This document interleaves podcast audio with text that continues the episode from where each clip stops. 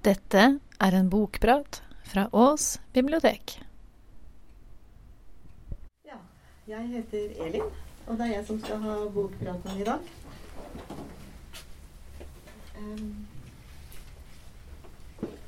Jeg skal snakke om denne boka, 'Majorens siste forelskelse',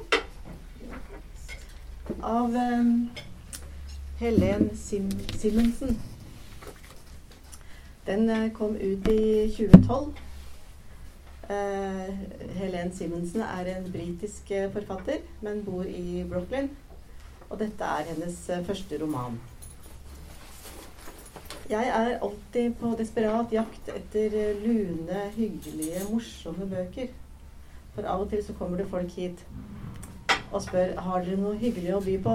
Jeg orker ikke bok med masse problemer nå. Jeg må ha noe til oppmuntring.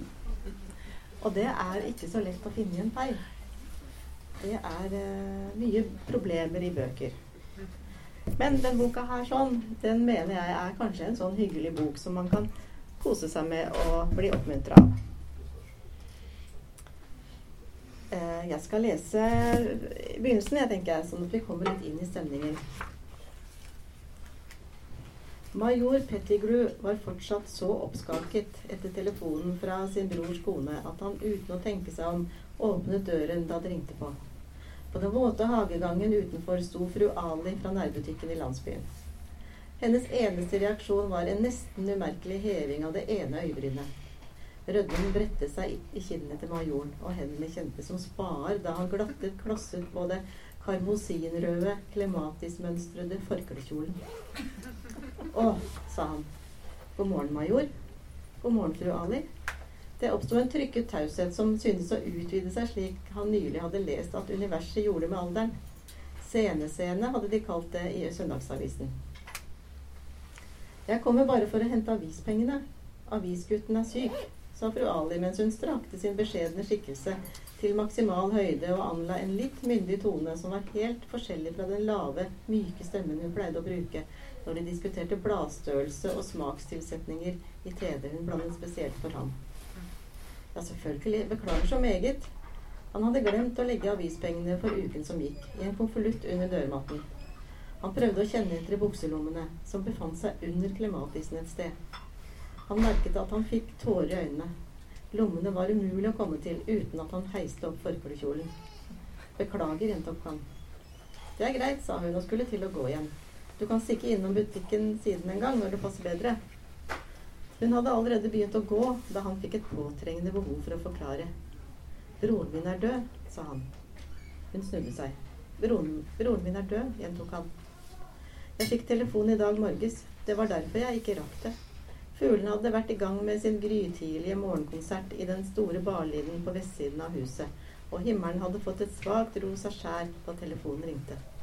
Det gikk opp for majoren, som hadde stått opp i grålysningen for å ta den ukentlige rengjøringen i huset, at han bare hadde sittet som i en døs hele tiden siden.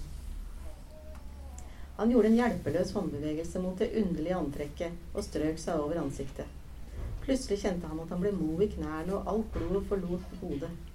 Ganske uventet støttet skulderen borti dørkarmen, og raskere enn øyet rakk å registrere det, sto fru Ali ved siden av ham og holdt ham så han ikke falt. Kanskje du heller burde komme deg inn og få satt deg ned, sa hun med omsorgsfull stemme. Hvis det er greit for deg, skal jeg finne litt vann til deg. Siden det virket som om majoren hadde mistet det meste av følelsen i ben og armer, hadde han ikke annet valg enn å føye seg. Fru Ali geleidet ham over det ujevne steingulvet, inn den smale gangen og hjalp ham ned i ørelappstolen som sto like innenfor døren i den lyse stuen, hvor bokhyller dekket alle veggene. Det var den stolen han likte minst, med bulkete stopp og hard kant akkurat der han hvilte hodet, men han var ikke i stand til å protestere. Det sto et glass vann på oppvaskbenken, sa fru Ali, og rakte ham det store melkeglasset han pleide å ha tannbroen sin i om natten. Vindsmaken fikk han nesten til å brekke seg. Går det bedre? Ja da, mye bedre, sa han, med øynene svømmende i tårer. Det var veldig snilt av deg å Skal jeg lage litt te til deg? Tilbudet fikk ham til å føle seg så svak og ynkelig. Tusen takk, sa han bare, for å få henne ut av rommet, så han kunne få samlet seg litt og få av seg forklekjolen. Det var rart å høre en kvinne klirre med tekopper på kjøkkenet igjen. På peishyllen smilte hans kone Nancy til ham fra et fotografi. Det bølgete brune håret flagret i vinden, og den fregnete nesen var lett rosafarget av solen. De hadde vært i Dorset i mai det regnfulle året, antagelig 1973. I den blåsende ettermiddagen hadde solen vært framme akkurat lenge nok til at han rakk å knipse henne på vollene til Corf Castle, der hun sto og vinket som en ungjente. Det var seks år siden hun døde nå, og nå var Bertie også borte. Dermed satt han alene tilbake, som den siste i familien i sin generasjon. Han foldet hendene for å stoppe en svak skjelving. Ja, majoren han er en eh, gentleman på 68 år. Han lever, lever stille og rolig i eh, barndomshjemmet sitt, som han har arva. Og han spiller golf i golfklubben. Og eh, han driver litt jakt sammen med jaktklubben. Og dette er meget konservative klubber. Konservativ sånn som majoren er sjøl. Han er opptatt av dannelse og tradisjoner. Mens fru Ali hun hører til en eh, annen sjikt.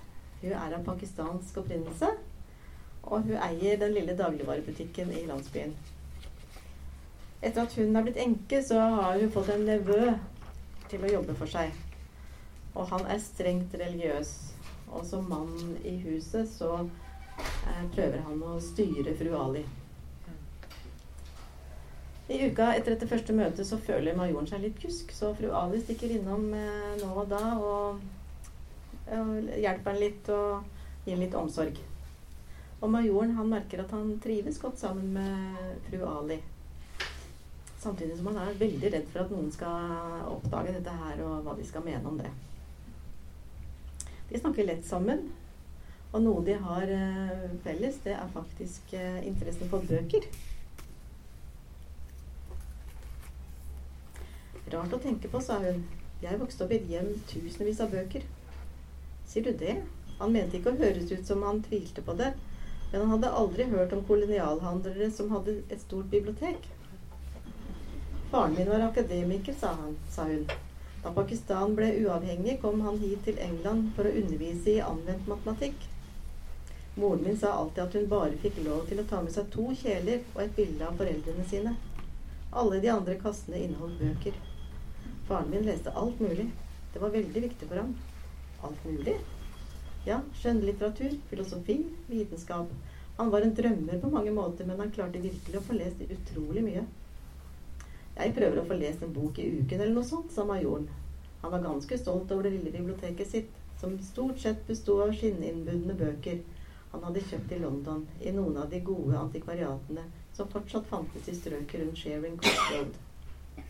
Men jeg må innrømme at nå for tiden trives jeg, best, trives jeg mest og leser gamle favoritter om igjen. Kipling og Johnson f.eks. Ingen er som de gamle klassikerne. Utrolig at du beundrer Samuel Johnson, major, sa hun og lo. Jeg har inntrykk av at han ikke akkurat var så velstelt at det gjorde noe, og han var veldig uforskammet mot stakkars Boswell. Det virker ofte som om det er en viss motsetning mellom genialitet og personlig hygiene, sa majoren. Men vi ville vært fattigere hvis vi kastet de store ånder ut med badevannet, for å bruke et nærliggende uttrykk. De kunne da ta seg et bad nå, da, sa hun. Men du har selvfølgelig rett. Men jeg sier til meg selv at det ikke spiller noen rolle hva man leser, bare man leser. Man trenger ikke eie bøkene heller. Hun strøk bibliotekboken med et sølvmodig uttrykk i ansiktet. Hva med biblioteket til faren din? spurte han. Borte. Da han døde, kom onklene mine fra Pakistan for å dele boet. En dag jeg kom hjem fra skolen, var hyllene tomme, og moren og tanten min holdt på å vaske dem fordi onklene mine skulle selge dem. Det luktet røyk utenfra, og da jeg løp bort til vinduet Hun tidde og trakk pusten langsomt. Minner var som gravmalerier, tenkte majoren. Like klare og tydelige uansett hvor lenge de hadde vært begravet under tykke jordlag. Det var bare å børste av dem, og så var de der i all sin prakt. Hun så på ham og løftet hodet. Onklene mine var i full gang med å brenne bøkene i søppelforbrenneren i bakgården. Du kan ikke forestille deg sjokk og skammen jeg følte. Jeg skrek til moren min at hun måtte stoppe dem, men hun bare bøyde hodet og fortsatte å vaske hyllene. Fru Ali tidde og snudde seg og så utover sjøen. Bølgene sendte skittent skum opp på den rynkete, brune sanden som viste, viste at det var ebbe. Majoren trakk inn den skarpe angen fra tannklasene og vurderte om han skulle klappe henne på ryggen. Det var leit å høre, sa han. Jeg skulle ikke ha fortalt deg alt dette, sa hun. Og så snudde hun seg mot ham ned seg i det ene øyet. Beklager. Jeg er visst blitt en dum, gammel dame.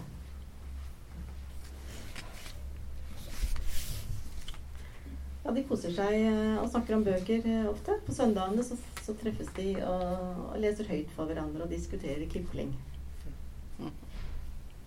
Majoren har en sønn i slutten av 20-åra. Og forholdet mellom eh, de to er virkelig et festlig studium. studium. Jeg syns at Roger virker som en karikatur, men det er mulig at det er mange som er sånn. Han er en fremadstormende finansmann som eh, veier alt i klingende mynt. Og han For han er det veldig viktig å elge seg inn i eh, de rette kretser. Men av og til så trår han litt feil, og da blir det veldig pinlig. Selvfølgelig så er majoren glad i sønnen sin, men han fnyser og han forferdes over uh, levemåten hans av og til. Han kjente at han hadde lyst til å treffe fru Ali igjen et annet sted enn i butikken, og lurte på om dette var et bevis på at han likevel ikke var så gammel og inntørket som hans 68 år, og landsbyens begrensede muligheter skulle tilsi. Oppkvikket av denne tanken kjente han at han hadde overskudd til å ringe sin sønn Roger i London. Han tørket hendene på en fille og stirret konsentrert på alle de blanke knappene og LED-displayet på den trådløse telefonen som var en presang fra Roger. Den hadde kortnummervalg og stemmeaktivering, og det skulle være så praktisk for gamle mennesker, ifølge Roger. Majoren syntes verken at telefonen var lett å bruke, eller at han selv kunne betegnes som gammel. Det var et utrolig irriterende, men ikke uvanlig fenomen, dette at barn, så snart de hadde forlatt redet og etablert seg med eget hjem, i Rogers tilfelle en hypermoderne penthouse-leilighet i et høybygg som skjemmet Themsen i Putney behandlet sine foreldre som, små, som småunger og ønsket dem døde, eller i det minste plassert i en omsorgsbolig. Helt gresk for meg, tenkte majoren. Med en finger klarte han å trykke på knappen for én. Roger Pettigrew, viseadministrerende direktør, Chelsea kapitalforvaltning. Som Roger hadde tastet inn med store, barnslige bokstaver for sikkerhets skyld. Rogers firma hadde kontor over to hele etasjer i et høyt glasshus i Docklands-området i London. Og mens telefonen ringte med en metallisk klikkelyd, så majoren Roger for seg i det sterile cellekontoret sitt med batteri av dataskjermer og stabelen med arkivmapper som den sikkert rådyre arkitekten ikke hadde tatt seg bryet med å skaffe skap til.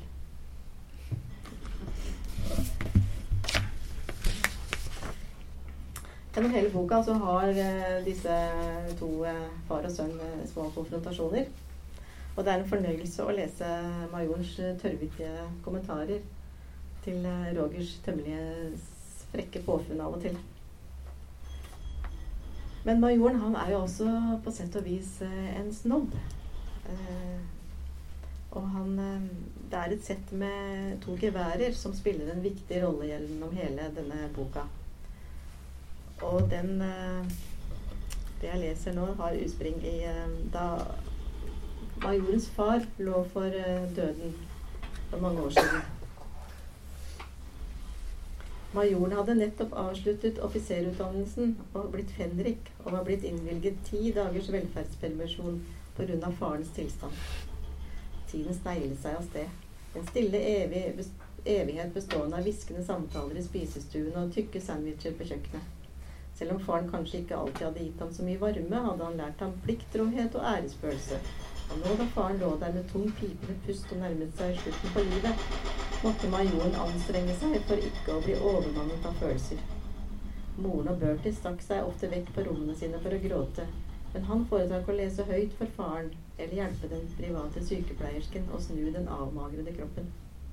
Faren, som ikke var så mentalt redusert av sykdommen som alle trodde, skjønte at det var slutten. Han sendte bud på de to sønnene og sitt kjære Churchill-par.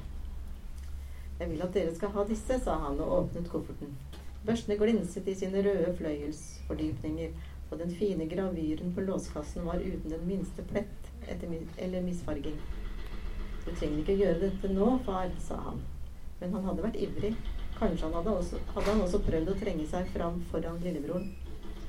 Jeg vil at de skal bli bevart i familien, sa faren, og så inntrengende på ham. Men det er umulig for meg å velge mellom dere to sønnene mine og si at en av dere skal ha dem. Han så på moren, som grep hånden hans og klappet dem forsiktig. Disse børsene betyr så mye for far, sa hun. Jeg vil at dere skal ha en hver, til minne om ham.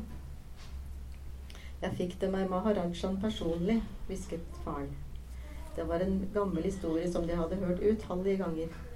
En indisk fyrste hadde vært rettskaffen nok til å belønne en britisk offisers tapre innsats i en tid da alle krevde at britene skulle kastes ut. Det hadde vært farens største øyeblikk. De gamle medaljene og uniformene kunne gjerne støve ned på loftet, men børsene var alltid blankpusset og klare til bruk. Men vil du splitte dem da, far? Det var datt ut av ham. Men noen gjennomskuet ham, og han så hvordan hun bleknet. De skal sammenføres igjen når en av dere dør, slik at de kan gå videre som et par til neste generasjon som bærer navnet Pettigrew. Det var den eneste gangen han hadde opplevd faren som feig. Nå er altså faren eh, død, og det betyr at uh, også brorens buss er hans. I hvert fall hvis den avtalen hadde vært skriftlig. Det er den ikke, og derfor er verken svigerinnen eller advokaten enig i dette her. Og etter mye om og men og styr og fram og tilbake, eh, så er de endelig i majorens eh, varetekt. Og han gleder seg som en unge til å ha med disse børsene i, i, ja, på jakta i jaktklubben. For de er verdt en hel familie, formue, og de er blitt pussa og stelt. Og han veit at de her rike jaktvennene hans de kommer til å sikle av misunnelse når de ser disse børsene. Eh, men eh, sønnen Roger han eh, har et helt annet syn på saken. For han har mange planer som han trenger penger til. Og han kunne godt tenke seg pengene som de er verdt. Så dette her det blir en disputt mellom far og sønn gjennom hele boka. I golfklubben så skal det holdes årsfest.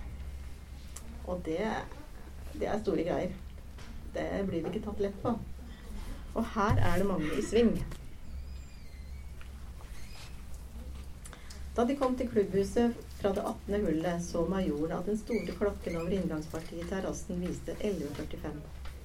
Alec gjorde et nummer av å sammenligne klokken med sin egen. Perfekt timing. Nå skal det bli godt med en drink og en god lunsj, sa han.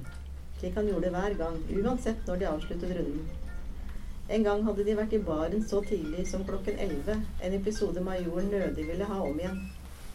Siden lunsj ikke ble servert før klokken 12, hadde de tatt opptil flere drinker hver, noe som sammen med et glass vin til kyllingen i fløtesaus hadde gitt ham store fordøyelsesproblemer. De satte fra seg trallene under det praktiske halvtaket rundt hjørnet og gikk over terrassen og inn i restauranten. Da de kom forbi Solariet, som hadde vært damenes bar før klubben åpnet restauranten for kvinner, var det en hånd som banket på ruten. En skingrende stemme ropte på dem. Joho, Alec, kan du komme inn hit litt? Det var Alma som satt sammen med en flokk andre damer rundt et langt bord. Hun hadde reist seg og vinket ivrig. Daisy Green gjorde også tegn på sin begynnende måte, og de andre damene vendte sine hattekledde hoder og fikserte dem med strenge blikk. Skal vi stikke av? hvisket Alec og vinket til sin kone samtidig som han smøg seg sidelangs videre mot restauranten. Jeg tror ikke vi slipper unna, sa majoren og satte kursen mot glassdørene. Men ta det rolig, jeg skal gi deg ryggdekning. Kan vi ikke bare skylde på at vi må veldig på toalettet? Men kjære deg da, mann, sa majoren. Det er jo bare din egen kone. Kom igjen nå. Opp med hodet. Hvis jeg skal mer opp med hodet nå, kommer jeg til å få kink i nakken, sa Alec. Men som du vil. La oss møte fienden. Vi vil gjerne høre hva dere menn mener, sa Daisy Green. Kjenner dere alle her? Hun gjorde en håndbevegelse mot dameflokken. Det var bare to-tre ukjente ansikter. Men de angjeldende damene virket som om de var så redde for Daisy at de ikke våget å presentere seg. Tar det lang tid? spurte Alec. Vi må bestemme temaet i dag, sa Daisy, og vi har bare et par forslag. Mitt forslag har en ganske stor oppslutning, men vi bør vurdere det andre også. Derfor vil dere Derfor vil vi at dere skal si det, det dere liker best, sa Grace. På rent uh, rådgivende basis, selvsagt, sa Daisy med rynkede bryn til Grace, som rødmet, slik at vi får et bedre beslutningsgrunnlag.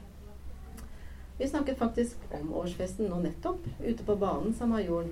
Og vi var enige om at det ville vært veldig deilig om vi gikk tilbake til den gamle ordningen igjen. Med smoking og champagne og sånt, ikke sant? Et slags Noel Coward-tema, spurte en av de ukjente damene. En yngre dame med rødt hår og tykk sminke som ikke klarte å skjule fregnene. Majoren lurte på om det var et uuttalt krev fra Daisy at de yngre damene i komiteen skulle iføre seg stygge bøttehatter og gjøre alt de kunne for å se eldre ut. Noel Coward er ikke blant de forslagene vi diskuterer, sa Daisy. Smoking er ikke et tema, sa majoren, men det foretrukne selskapsantrekket for kultiverte mennesker. En avgrunn av taushet åpnet seg i rommet. Den unge damen med den stygge hatten fikk et så alvorlig anfall av hakeslepp at majoren kunne skimte en fylling i en av de bakerste jekslene. Grace hostet tilgjort i et lommetørkle. Majoren hadde en ørliten mistanke om at hun lo. Daisy ble travelt opptatt med å studere notatene sine, men hendene grep rundt bordkanten som knokene vitnet. Det han mener, er at uh, Alec tidde som om han plutselig hadde glemt den diplomatiske forklaringen han hadde tenkt å komme med. Skal det forstås slik at du ikke setter pris på arbeidet vi gjør, major? spurte Daisy med lav stemme. Selvfølgelig gjør han det, sa Alec. Jeg tror det er best at vi holder oss unna dette, jeg, damer. Vi er fornøyd bare baren er åpen. Ikke sant, Pettigrew? Majoren kjente et diskré napp i ermet. Signal fra Alec om retrett. Majoren rev seg løs og så på Daisy. Det jeg mente å si, fru Green, var at selv om temaet i fjor var meget kreativt, ja, utrolig kreativt og veldig underholdende, innskjøt Alec, så var det ikke alle gjestene som oppførte seg så sømmelig som jeg går ut fra at dere hadde regnet med. Ja, disse festene de er uh, storslagne. Uh, her går det for seg mye rart. Og planene for denne festen tar jo helt av. Og det er ikke ende på forslag til uh, temaer. Til slutt ender tittelen på årsfesten eh, opp med 'En natt i Maharajens palass'. Og det absolutte høydepunkt i denne festen skal være at majoren blir hedret eh, med et slags skuespill som ble laget om eh, den heltemodige faren hans. Og majoren vet ikke helt om han liker dette her. Er ikke helt sikker på om han skal føle seg smigra, eller om han syns det er litt pinlig. Eh, men eh, i tida før festen så har han og, han og fru Ali blitt riktig gode venner. Og av forskjellige grunner så har han blitt involvert i noen familiære problemer i fru Alis familie. Eh, såpass mye at han har latt eh, den eh, religiøse nevøen hennes få bo hjemme hos eh, seg.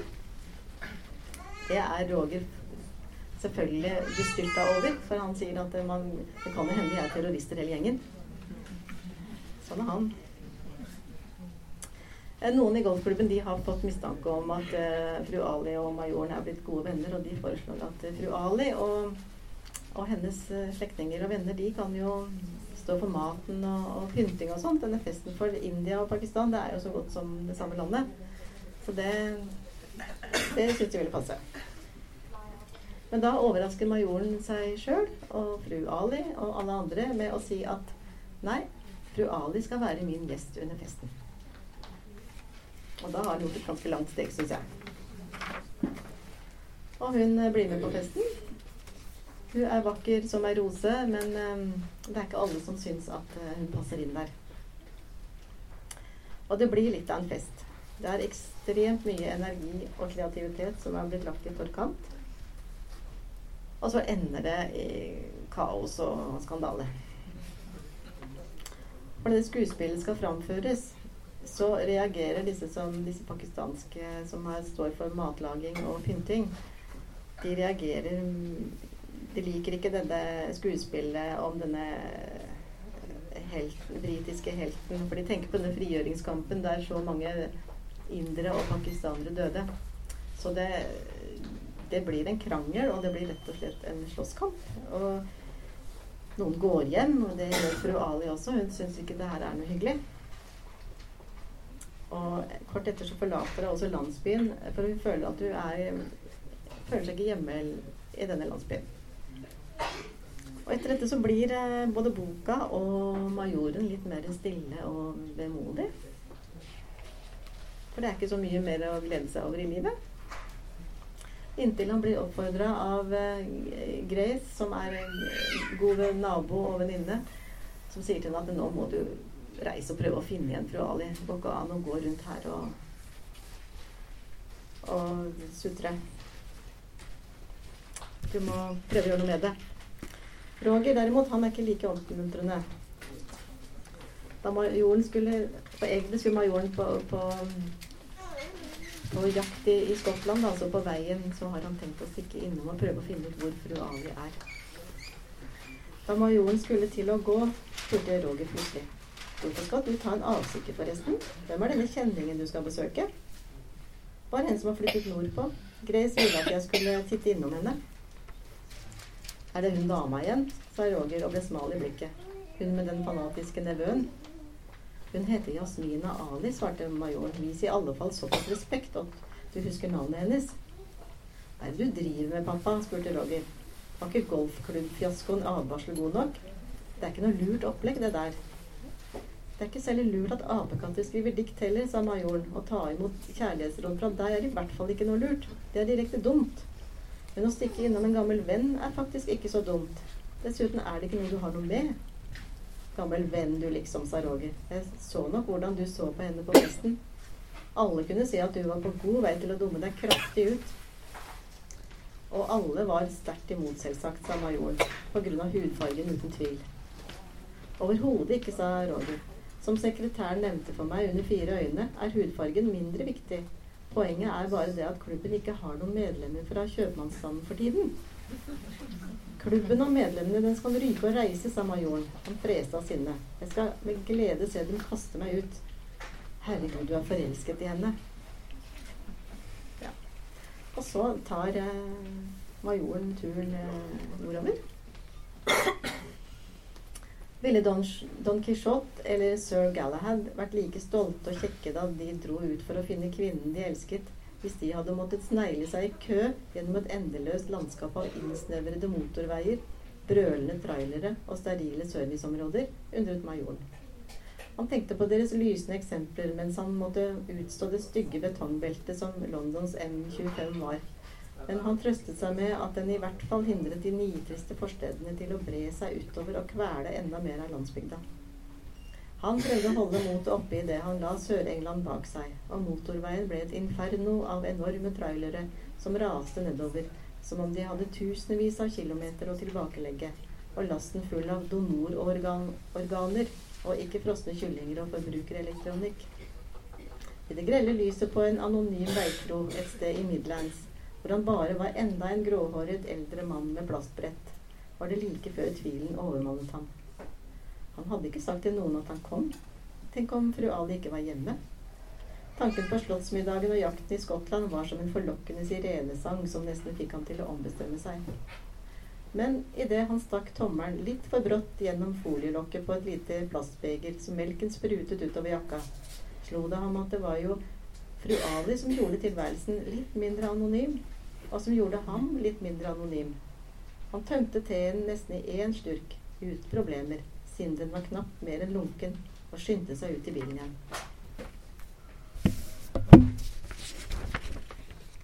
Det skjer veldig mye etter dette her. For det skal virkelig ikke være lett her i verden. Men jeg har ikke tenkt å fortelle mer, eh, i tilfelle noen har lyst til å lese boka jeg kan si det sånn at det, disse to uh, geværene de er, spiller fremdeles en stor rolle, og de blir en slags uh, har en, De har en symbolsk betydning, får vi se til slutt.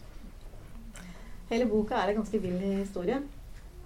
Men det er den har fantastisk humor som kanskje jeg ikke har fått særlig godt fram med det jeg har lest.